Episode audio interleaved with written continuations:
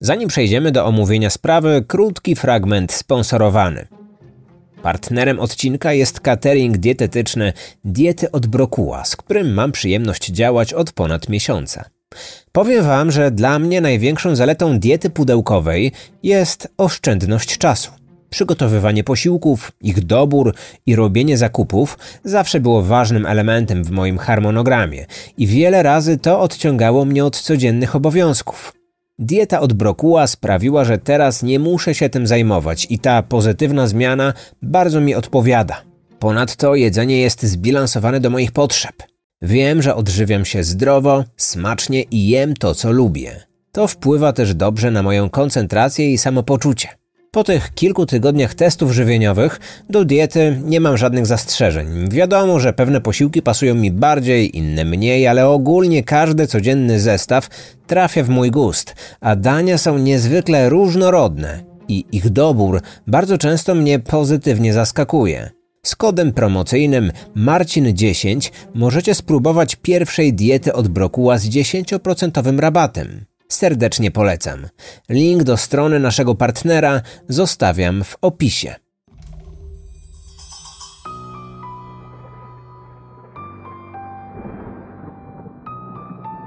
Na zagranicznych stronach można czasami natknąć się na zestawienia spraw kryminalnych z najbardziej nieprzewidywalnymi zwrotami akcji. Historia, o której za chwilę usłyszycie, jak najbardziej pasowałaby do takiego spisu. Wszystko wyglądało na porwanie. Sherry Papini wyszła z domu na chwilę, aby pobiegać i nie wróciła. Przepadła jak kamień w wodę. Gdy w tym podcaście wspominam o zaginięciach, zazwyczaj nie są to historie ze szczęśliwym zakończeniem. Sami doskonale wiecie, że w tego typu sprawach każda godzina jest na wagę złota. Jeżeli w pierwszych dniach nie pojawi się żaden trop, to szansa na odnalezienie żywej osoby maleje. Śledczy łapali się tutaj różnych wątków, ale sytuacja nie była prosta. Tym bardziej, że w trakcie dochodzenia okazało się, że zaginiona kobieta prowadziła podwójne życie. Przełom nastąpił po 22 dniach. I to był prawdziwy punkt zwrotny, który sprawił, że o historii z północnej Kalifornii kilka lat temu mówił cały świat. Musicie poznać szczegóły tej sprawy. Ja nazywam się Marcin Myszka. Jestem autorem podcastu, na którym w każdy poniedziałek przedstawiam najciekawsze sprawy kryminalne. Kryminatorium możecie słuchać w aplikacji podcasty na iPhone'ie, Spotify lub na YouTube. Kryminatorium. Otwieramy akta tajemnic. Zwykle, kiedy Kif Papini wracał z pracy, w domu czekała na niego żona z gotowym już obiadem. Dzieci cieszyły się na jego widok. Wkrótce mogli wspólnie zasiąść do stołu. Jednak w środę 2 listopada 2016 roku stało się inaczej. Gdy mężczyzna przekroczył tylko próg, zorientował się, że w środku nikogo nie ma. To było trochę nietypowe, ale jeszcze niczego nie podejrzewał. Sherry mogła wyjść do sklepu lub pójść z dzieciakami na plac zabaw. Zadzwonił do niej, ale nie odbierała. Ponownie wybrał jej numer. Brak odpowiedzi. I tak kolejny raz, i jeszcze następny. Nie mógł skontaktować się z żoną. Poczuł lekki niepokój. Mimo to nie wpadł w panikę. Uważał, że na pewno jest jakieś sensowne wytłumaczenie. Na przykład takie, że telefon wrzuciła na samo dno torebki i nie usłyszała dzwonka. Intuicja podpowiedziała mu, by zadzwonił do żłobka, do którego uczęszczały ich dzieci. Okazało się, że tego dnia matka ich nie odebrała. Powinna to zrobić kilka godzin wcześniej. Wtedy naprawdę się zmartwił. Miał złe przeczucie. Postanowił sprawdzić lokalizację iPhone'a żony. Namierzył urządzenie w odległości 3 km od domu. Pojechał tam. Telefon wraz ze słuchawkami leżał porzucony na poboczu drogi, na odludziu, z dala od zabudowań. Kobieta często biegała tą trasą. Przypomniał sobie, że tego dnia również planowała pobiegać koło godziny 14. Sprawdził swój telefon. O 10.37 dostał od niej SMS-a. Zapytała, czy wróci do domu na obiad. Zwykle nie zabierał ze sobą prywatnego telefonu do pracy, dlatego odpisał dopiero po kilku godzinach. To była ich ostatnia wymiana zdań tego dnia. Mieszkali w Redding w północnej Kalifornii. Miasto uchodziło za w miarę bezpieczne, ale tak jak w każdym miejscu, nic nadzwyczajnego. Ich dom był zlokalizowany w spokojnej dzielnicy, w której sąsiedztwo stanowiło jedną dużą rodzinę. O 18 tamtejsza policja dostała zawiadomienie o zaginięciu 34-latki. Jej mąż uważał, że kobiecie stała się krzywda. Ktoś musiał jej coś zrobić. Na pewno została porwana. Świadczyć miał o tym porzucony przy drodze telefon jego żony. Sprawę potraktowano priorytetowo, głównie dlatego, że wywołała ona spore zainteresowanie mediów. Młoda kobieta z klasy średniej, w dodatku matka dwójki dzieci, wzbudziła współczucie opinii publicznej. Wiele osób utożsamiało się zarówno z nią, jak i z jej mężem. Biuro szeryfa poprosiło o pomoc FBI, które natychmiast wysłało na miejsce swoich agentów federalnych. Praktycznie od samego początku uczestniczyli oni w sprawie. Mężowi bardzo zależało, aby sprawa nie przeszła bez echa. O wsparcie prosił również ówczesną burmistrz miasta. Poza tym zwrócił się do miejscowej społeczności. Chciał, by zwykli obywatele także dołączyli do poszukiwań. Otrzymane wsparcie przewyższyło jego oczekiwania. Osoby, które nawet nie znały zaginionej, zaangażowały się w działania. Powstały grupy, które zajmowały się przeszukiwaniem okolicy. Rodzina mogła liczyć na pomoc sąsiadów niemal w każdej sytuacji. Ponadto założono zbiórkę pieniędzy. Zebrano 50 tysięcy dolarów. Wszystko po to, by sprowadzić kobietę do domu. Na początku to była jedna z tych nieszczęsnych spraw, w których jest niewiele materiału dowodowego, żadnych naocznych świadków czy nagrań z monitoringu. Jednak mieliśmy telefon komórkowy zaginionej. Jego zawartość dostarczyła nam ciekawych informacji. To, czego się dowiedzieliśmy, nieco nas zaskoczyło. Nie pasowało to do wizerunku kobiety, który wykreowano w mediach. W prasie nazywano ją supermamą. Podkreślano, że prowadziła życie, o którym marzyło wiele innych amerykańskich kobiet. Swojego męża poznała w szkole. To z nim przeżyła swój pierwszy pocałunek. Jednak jeszcze wtedy nic z tego nie wyszło. Jako nastolatka wraz z rodzicami opuściła rodzinne strony. Wróciła tam po latach i kiedy spotkała na swojej drodze Kifa, umówili się na randkę. Wspomnienia z młodzieńczych lat odżyły. Zostali parą po krótkim czasie randkowania. W 2006 roku zamieszkali razem. W końcu mężczyzna postanowił się oświadczyć. Najpierw zabrał swoją ukochaną na wycieczkę, między innymi do Las Vegas.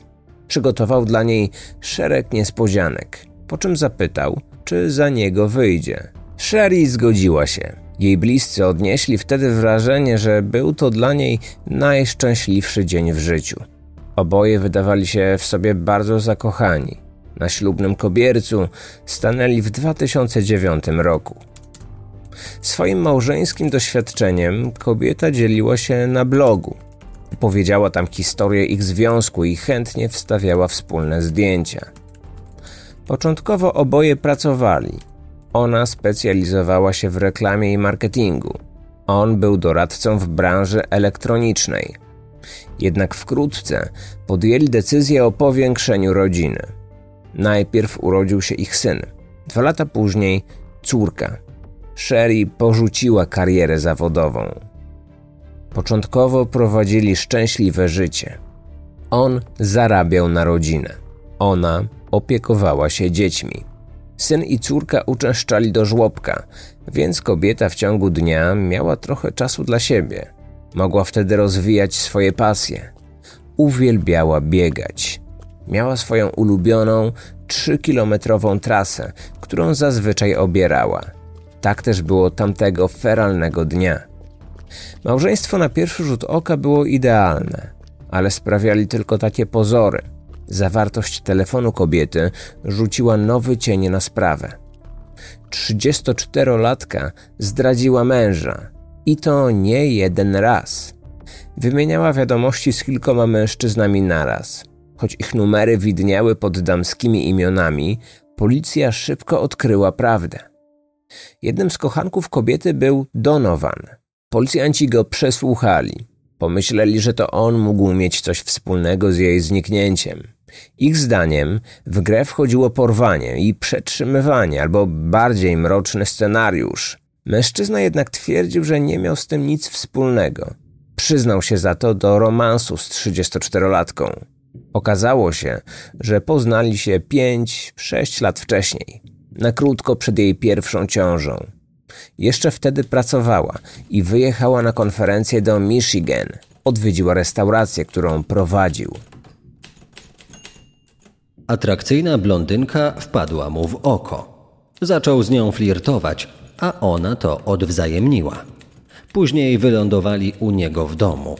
Na początku nie wiedział, że kobieta ma męża, później wyjawiła mu prawdę.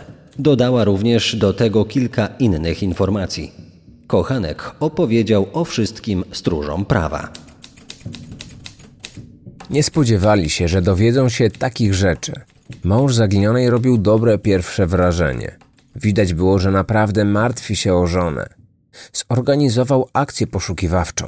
Zaangażował do niej lokalną społeczność. Ukojenie odnajdywał wyłącznie w dzieciach. Czy tak może zachowywać się człowiek, który wcześniej skrzywdził swoją żonę?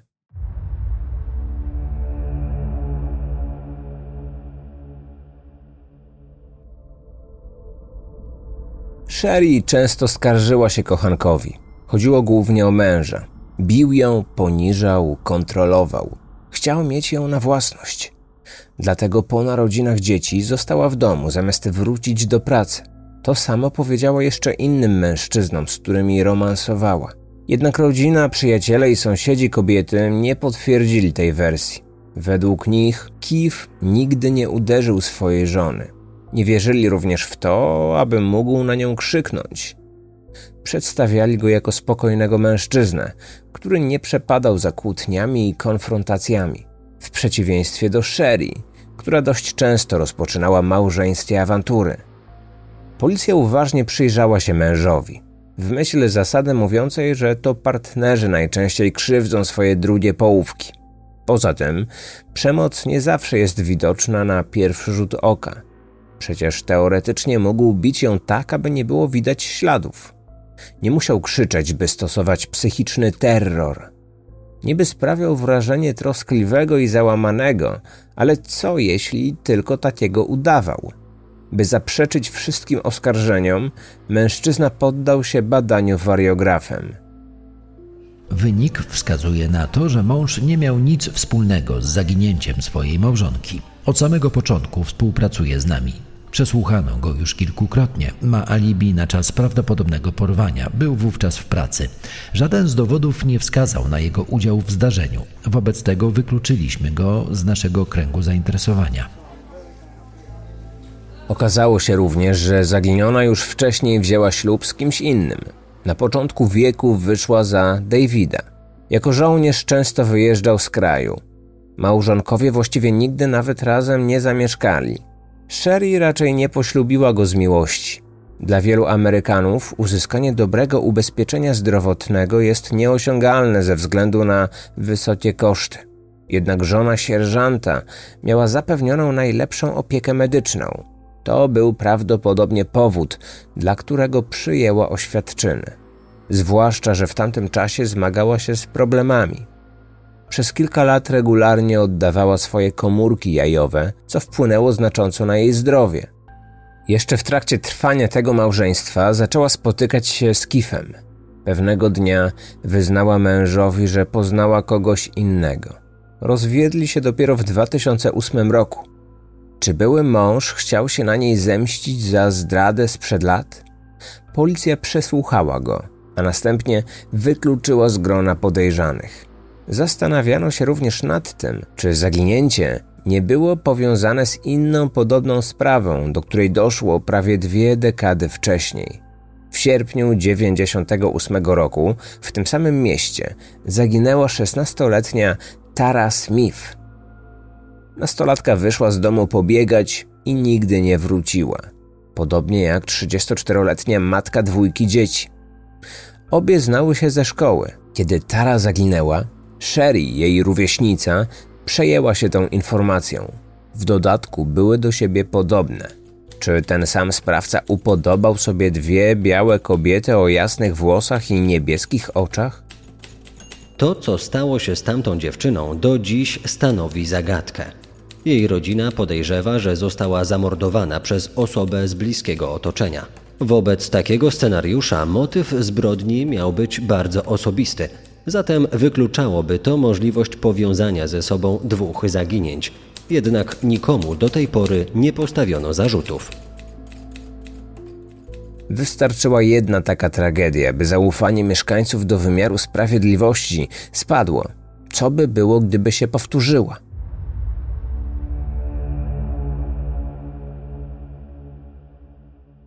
24 listopada minęło 22 dni od kiedy kobieta zniknęła.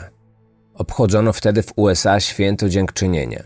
Dla męża zaginionej był to trudny czas. Dobijała go okrutna świadomość, że w czasie, gdy on i dzieci będą jeść indyka, ona może cierpieć albo już nie żyć.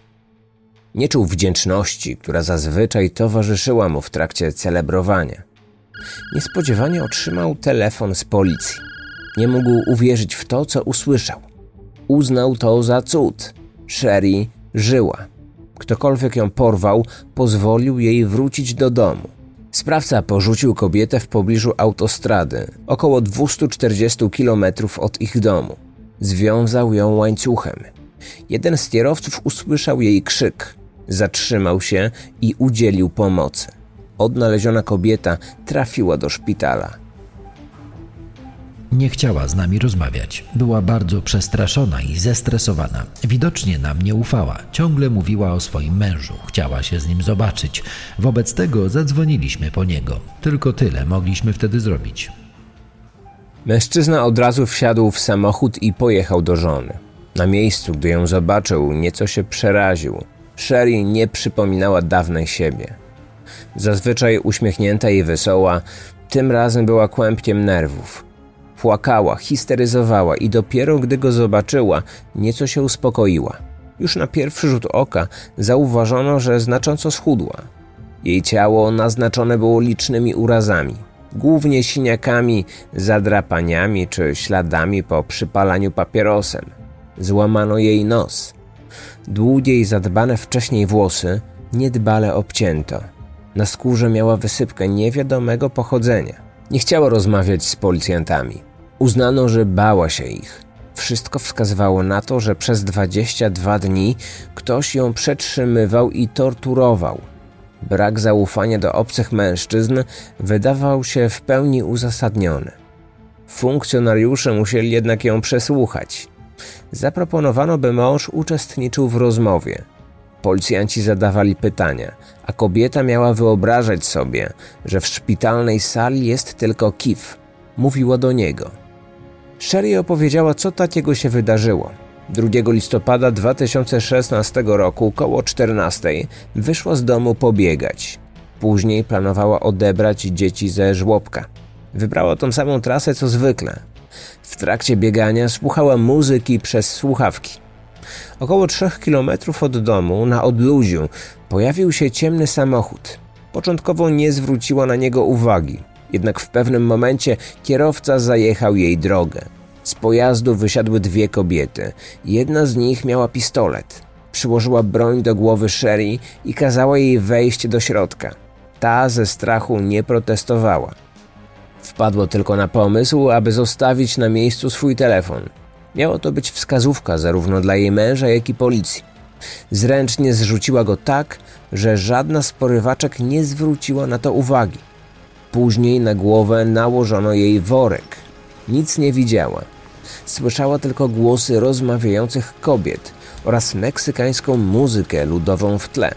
Opisała również swoje porywaczki.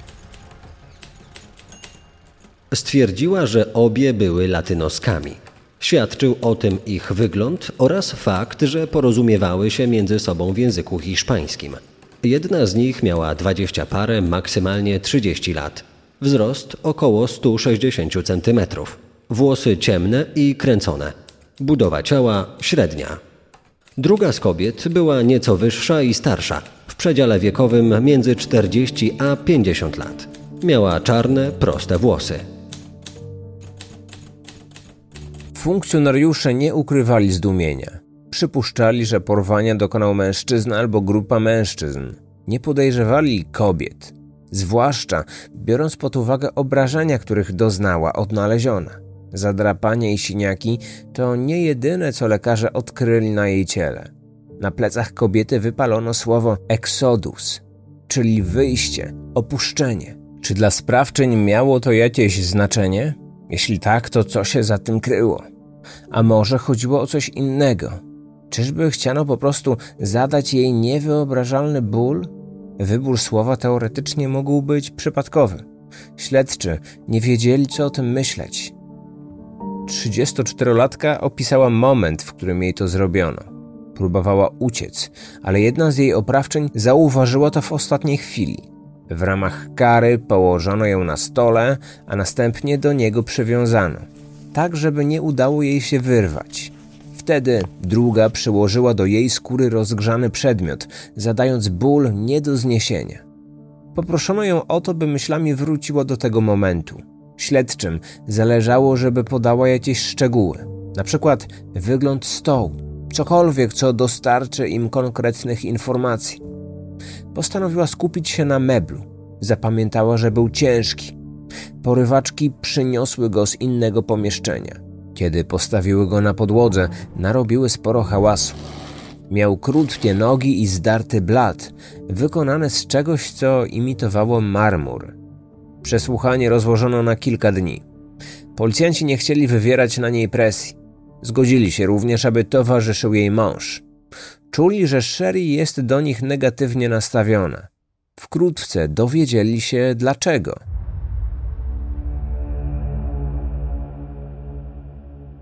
Nie miała pojęcia, gdzie ją przetrzymywano. Na pewno w jakimś domu jednorodzinnym, nie mieszkaniu. W jakim mieście lub stanie? Trudno powiedzieć. Nie mogła nawet stwierdzić, jak długo jechały samochodem. Straciła poczucie czasu. Na miejscu zamknięto ją w sypialni, w której znajdowało się łóżko i szafa. Przypięto ją łańcuchem, który zahaczono o drążek w szafie. Przynoszono niewielkie ilości wody i jedzenia. Czasami pozwalano wziąć prysznic. Przystawiono jej wówczas broń do głowy, by nie wpadła na pomysł ucieczki.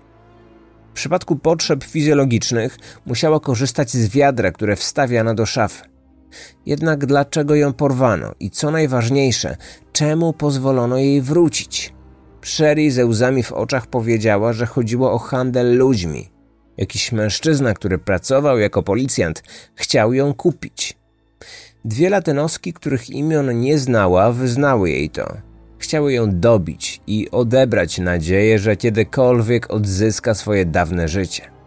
W ostatniej chwili kupiec się wycofał. Nikt nie wiedział dlaczego.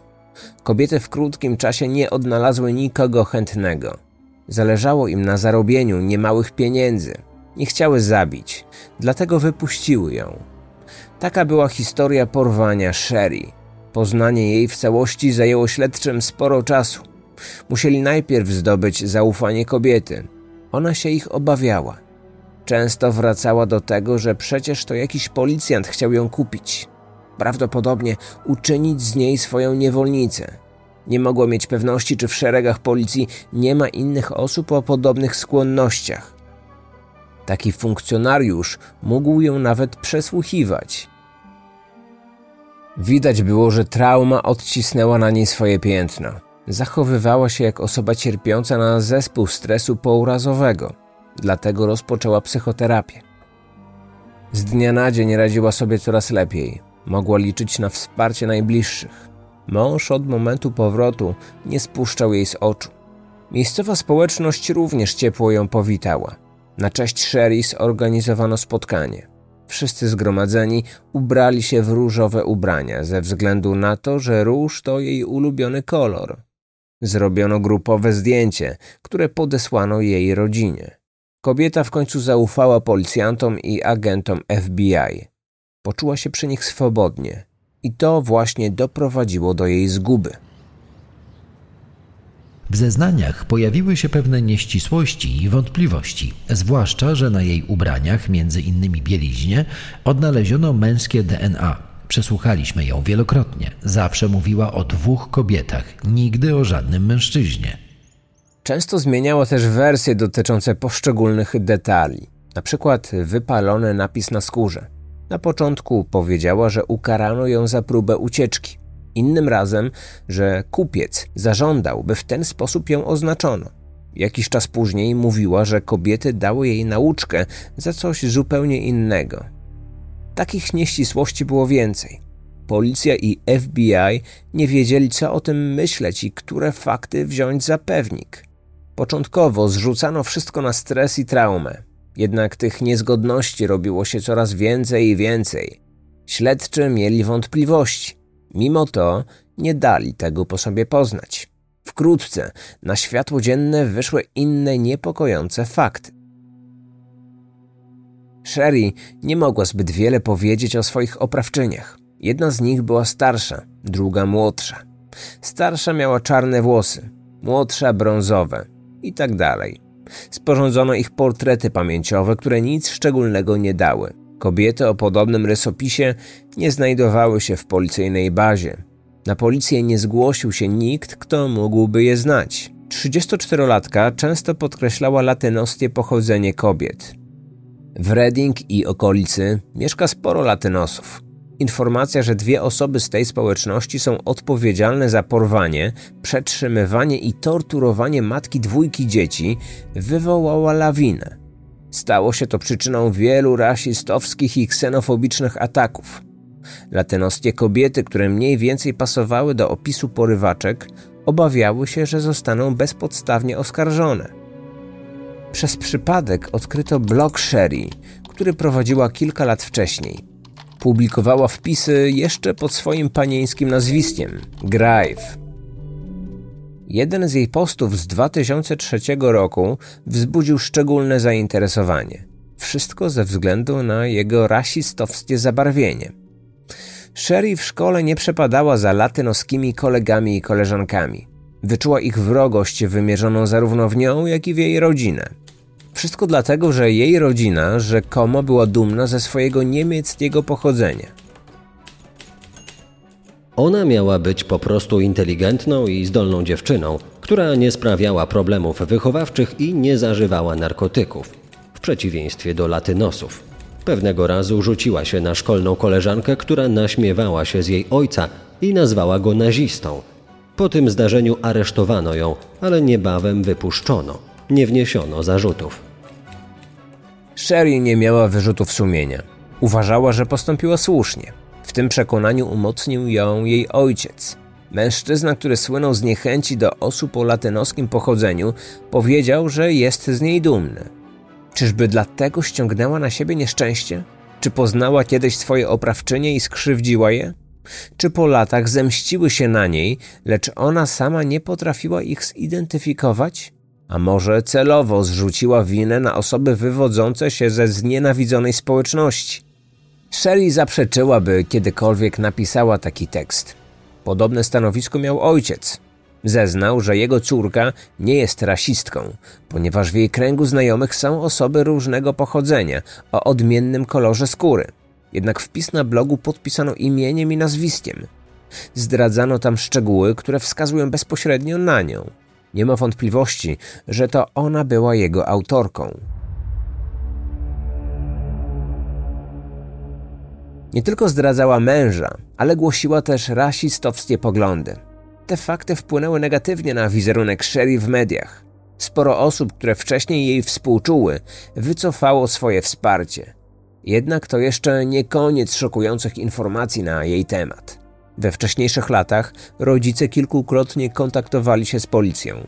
Choć nigdy nie złożyli zawiadomienia przeciwko córce, to niewątpliwie jej zachowanie było niepokojące. W październiku 2000 roku zdewastowała dom rodzinny. To samo stało się z domem siostry, do którego prawdopodobnie się włamała. Nic jednak nie zostało skradzione. Trzy lata później ktoś wypłacił pieniądze z konta bankowego jej ojca. Mężczyzna podejrzewał córkę. W tym samym roku Sherry prawdopodobnie próbowała targnąć się na własne życie. Szczegóły nie są znane, ale przestraszona matka zadzwoniła na policję z prośbą o pomoc. Osoby, które dobrze ją poznały, twierdziły, że Sherry jest specyficzna. Nie tyle lubiła być w centrum uwagi, co przede wszystkim musiała. Czuła nadmierną potrzebę, by każdy na nią patrzył jej słuchał. Nie mogła być ignorowana. Miała skłonności do dramatyzowania. Bywała głośna i czasami zachowywała się jak wariatka. Potrafiła kłamać jak najęta. Zmieniała zachowania w zależności od danego towarzystwa. Wymyślała różne historie, tworzyła odmienne rzeczywistości. Wszystko dostosowywała do drugiej osoby, naginała fakty. Tak jak swoim kochankom opowiadała o tym, że mąż się nad nią znęcał, tak podobne rzeczy wygadywała o swoich rodzicach. Mówiła o tym głównie znajomym. Oni uważali ją za patologiczną kłamczuchę i oszustkę, cierpiącą prawdopodobnie na narcystyczne zaburzenia osobowości. Śledczy zaczęli wszystko analizować. Coraz częściej pojawiały się przypuszczenia, że kobieta nie była wobec nich całkowicie szczera. W tej historii coś się nie zgadzało. Nie chodziło już wyłącznie o nieścisłości, ale również o jej zachowanie. Kiedy chciano się dowiedzieć jakichś konkretnych szczegółów, ona odwracała kota ogonem. Na przykład wtedy, gdy pytano ją o moment wypalenia słowa na skórze. Miała opisać każdy najdrobniejszy szczegół. Jak zachowywały się kobiety, co mówiły, jak wyglądał stół, na którym ją położono. Zamiast udzielenia rzeczowych odpowiedzi, skupiła się na tym, że kilka lat wcześniej przeszła operację powiększenia piersi. Dopiero potem podała konkrety. Czy chciała w ten sposób odwrócić uwagę? W 2020 roku doszło do przełomu w sprawie. W końcu uzyskaliśmy odpowiedź na jedno z najważniejszych pytań, mianowicie kto pozostawił DNA na jej ubraniach. Przez lata nie byliśmy w stanie tego ustalić. W końcu okazało się, że to jej dawny partner. To nie mógł być przypadek. Po prawie czterech latach udało się ustalić, do kogo należał materiał biologiczny. Tym mężczyzną był niejaki James Reyes, jej dawny chłopak. Źródła podają, że rozstali się dekadę przed jej zaginięciem. Podobno mieszkali razem. Biorąc pod uwagę, co już wiemy o kobiecie, wynika z tego, że wówczas miała męża. Ponadto spotykała się wtedy z Kifem. Mężczyzna początkowo zeznał, że od wielu lat nie widział się z byłą dziewczyną. Ostatni raz krótko po ich rozstaniu. Nie utrzymywali żadnego kontaktu. Jego materiał biologiczny, zabezpieczony na części jej garderoby, świadczył o czymś zupełnie innym. W końcu znalazł się w punkcie bez wyjścia. Wiedział, że oni wiedzą. Nie miał pojęcia co konkretnie, ale coś na pewno. Nie chciał kłopotów, więc powiedział prawdę. Sherry pewnego dnia napisała do niego. Chciałaby po nią przyjechał. Spełnił jej prośbę. Wypożyczył ciemnego suwa i pokonał ponad 10-godzinną trasę ze swojego rodzinnego miasta do Reading. Potem od razu pojechali do niego. Mężczyzna mieszkał w domu jednorodzinnym w Costa Mesa. To u niego kobieta spędziła 22 dni, podczas których policjanci wspólnie z agentami federalnymi prowadzili szeroko zakrojoną akcję poszukiwawczą. Nie porwał jej, nie przetrzymywał, nie zmusił przemocą czy groźbą, by wsiadła do auta. Sama go o to poprosiła. On tylko spełnił jej prośbę. Dokładnie opisał, jak wyglądały te trzy tygodnie. Kiedy on chodził do pracy, kobieta siedziała w domu. Rzadko kiedy z niego wychodziła. Sama przyrządzała posiłki, ale nie jadła zbyt dużo. Zasłaniała się brakiem apetytu. Twierdziła, że musiała odejść od męża. Wszystko dlatego, że się nad nią pastwił. Nikt nie chciał jej pomóc, więc zwróciła się do byłego chłopaka. Kobieta wykonywała drobne prace domowe, między innymi sprzątała. To właśnie wtedy, pod wpływem silnego detergentu, nabawiła się wysypki na skórze. W końcu poprosiła Jamesa, by kilka razy ją uderzył czy przypalał papierosami. Chciałaby na jej ciele pojawiły się widoczne obrażenia. Potem poszła o krok dalej. Miał ją poważnie poparzyć. Zasugerowała, że powinien to być jakiś napis na skórze. Mężczyzna nie za bardzo rozumiał po co to wszystko, lecz nie protestował. W dniu święta dziękczynienia stwierdziła, że chce wrócić do swoich dzieci. Poprosiła, by ją odwiózł. Jednak nie do rodzinnego miasta, tylko gdzieś na odludzie.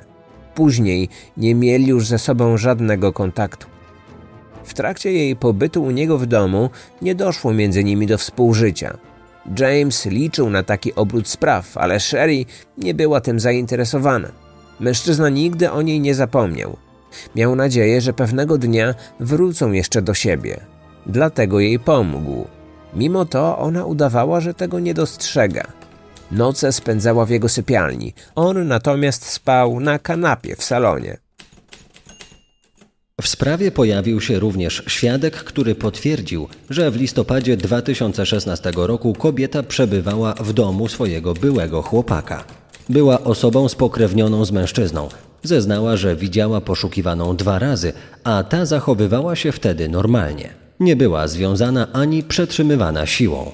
Śledczy już od jakiegoś czasu podejrzewali, że Sherry ich okłamywała. Nie mieli tylko pojęcia, jak daleko jej kłamstwa sięgały. Porwanie w rzeczywistości okazało się zwykłą mistyfikacją. Pytanie tylko dlaczego, co nią kierowało.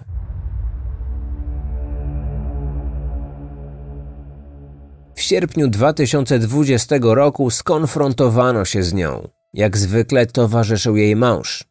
Przesłuchanie rozpoczęto jak gdyby nigdy nic. Szeryf hrabstwa i agent FBI zadbali o to, by kobieta poczuła się swobodnie. Chcieli uśpić jej czujność, by potem zrzucić na nią bombę. Ona jeszcze o niczym nie wiedziała. Przez długi czas żyła w kompletnej nieświadomości. Nagle pokazano jej zdjęcia. Jedna z fotografii przedstawiała stół, podobny do tego, na którym ją rzekomo położono i poparzono. Pochodził z domu Reyesa, ciężki, nieco zniszczony i z krótkimi nogami. Zapytano, czego rozpoznaje. Ona wydawała się zakłopotana. Stwierdziła, że nie jest w stu procentach pewna. Śledczy oznajmili, że odnaleźli dom, w którym ją przetrzymywano. Kiv nie mógł ukryć ekscytacji. Jego żona nie była już tak zadowolona. Kolejne zdjęcie pokazywało szafę, identyczną do tej opisanej przez kobietę. Na wcześniejszych przesłuchaniach mówiła, że w jej wnętrzu znajdowało się wiadro, z którego musiała korzystać. Do drążka przyczepiono jej łańcuch. Gdy spojrzała na fotografię, nie była pewna, czy to ta sama szafa, choć ona również pochodziła z domu Jamesa. Po chwili usłyszała, że na jej ubraniach zabezpieczono materiał genetyczny należący do mężczyzny. I to nie jakiegoś przypadkowego, anonimowego, tylko jej dawnego życiowego partnera. Śledczy przyznali w końcu, że znają prawdę. Nie było żadnego porwania. Czekali na jej reakcję.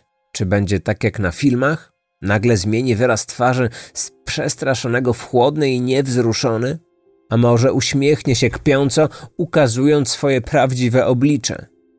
Nagranie z tego przesłuchania pokazuje, jak Sherry ukrywa twarz w dłoniach.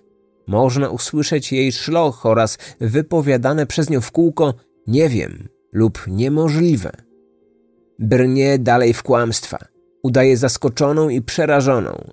Wygląda jakby układała sobie to wszystko w głowie. Racjonalizuje to, że James Reyes ją porwał i przetrzymywał. Nie nabraliśmy się na ten teatrzyk. Agent specjalny pouczył ją, że okłamanie go stanowi poważne przestępstwo federalne. To nie zrobiło na niej wrażenia. Powiedziała wówczas, że nie chce, byśmy aresztowali jedną z porywaczek, a to dlatego, że okazała jej dobre serce i wypuściła z powrotem do dzieci. Sherry była jej za to wdzięczna, więc nie chciała, by przestępczyni została ukarana. Tak przynajmniej twierdziła. Nie sprecyzowała, o którą z laty nosek chodziło młodszą czy starszą. I tak nie miało to żadnego znaczenia, bo obie kobiety były wyłącznie wytworem jej wyobraźni. Miejscowy szeryf i agent FBI zdawali sobie sprawę, że nic, co wypływa z jej ust, nie jest prawdą. Nawet mąż, który przez lata ją wspierał, po usłyszeniu tego wszystkiego zwątpił w prawdziwość porwania. Uzmysłowił sobie bolesną prawdę. Poślubił kobietę, która prawdopodobnie była mitomanką. Wszystko wymyśliła, a szczegóły fałszywego porwania oparła na prawdziwych historiach. Już w trakcie przesłuchań kilkukrotnie podkreślała, że jest fanką True Crime. Wspominała nawet o głośnej sprawie Elizabeth Smart. Ona również została porwana. Jej oprawcy trzymali ją na łańcuchu. Zamiast z toalety musiała korzystać z wiadra. O takich właśnie detalach wspominała Sherry. Kobieta również zainspirowała się historią swojej koleżanki Tary, która zaginęła w latach 90., kiedy wyszła pobiegać. Możliwe, że pozostałe elementy jej opowieści również pochodziły z innych spraw kryminalnych. Chłonęła takie treści i jednocześnie obmyślała swój diaboliczny plan. Jej historia do złudzenia przypomina fabułę książki oraz filmu pod tytułem Zaginiona dziewczyna. Główna bohaterka również realizuje plan fałszywego porwania. Na końcu wszystko uchodzi jej płazem. Prawdę zna tylko mąż, który zostaje zmuszony do tego, by trwać przy jej boku. Sherry Papini nie miała aż takiego szczęścia. Musiało minąć kolejne półtora roku, ale w końcu ją aresztowano. Tyle czasu zajęło gromadzenie materiału dowodowego w całości. Zatrzymania dokonano na początku marca 2022 roku. Postawiono kilka zarzutów, m.in. upozorowanie porwania oraz okłamanie agentów federalnych. Groziła jej surowa kara, bo aż 25 lat pozbawienia wolności. Jednak w ramach ugody z prokuratorem w końcu przyznała się do tego, że wszystko wymyśliła. Dzięki temu skazano ją wyłącznie na 18 miesięcy. Jednocześnie sąd zadecydował, że będzie musiała zapłacić grzywnę w wysokości 300 tysięcy dolarów. Sherry dziś przebywa w zakładzie karnym. Wyjdzie prawdopodobnie w lutym 2024 roku. Mąż i dzieci czekają na nią. Mężczyzna złożył pozew o rozwód. Chce samodzielnie wychować dzieci. Twierdzi, że nie jest i nigdy nie będzie w stanie jej przebaczyć. Wciąż pozostaje pytanie dlaczego, co nią kierowało. Nie ma jednoznacznej odpowiedzi. Policja, FBI i znajomi uważają, że wynika to z jej patologicznej chęci bycia w centrum uwagi. Dostatnie życie, troskliwy mąż i dwójka wspaniałych dzieci jej nie wystarczały. Chciała czegoś więcej, ale paradoksalnie w wyniku tego straciła wszystko, co już miała. Źródła wykorzystane do stworzenia materiału. Film dokumentalny Sherry Papini Lies, Lies and More Lies z 2022 roku, dostępny na Amazon Prime Video. Wpis z bloga Sherry Papini pod tytułem Keith and Sherry Wedding Website. Zawiadomienie o popełnieniu przestępstwa przez Sherry Papini z 3 marca 2020 roku. Artykuły z takich portali jak ABC News, Grunge, Sacramento Bee czy CBS News. Autorstwa m.in. Julie Jacobo, Ryana Sabaloa oraz Sama Stentona.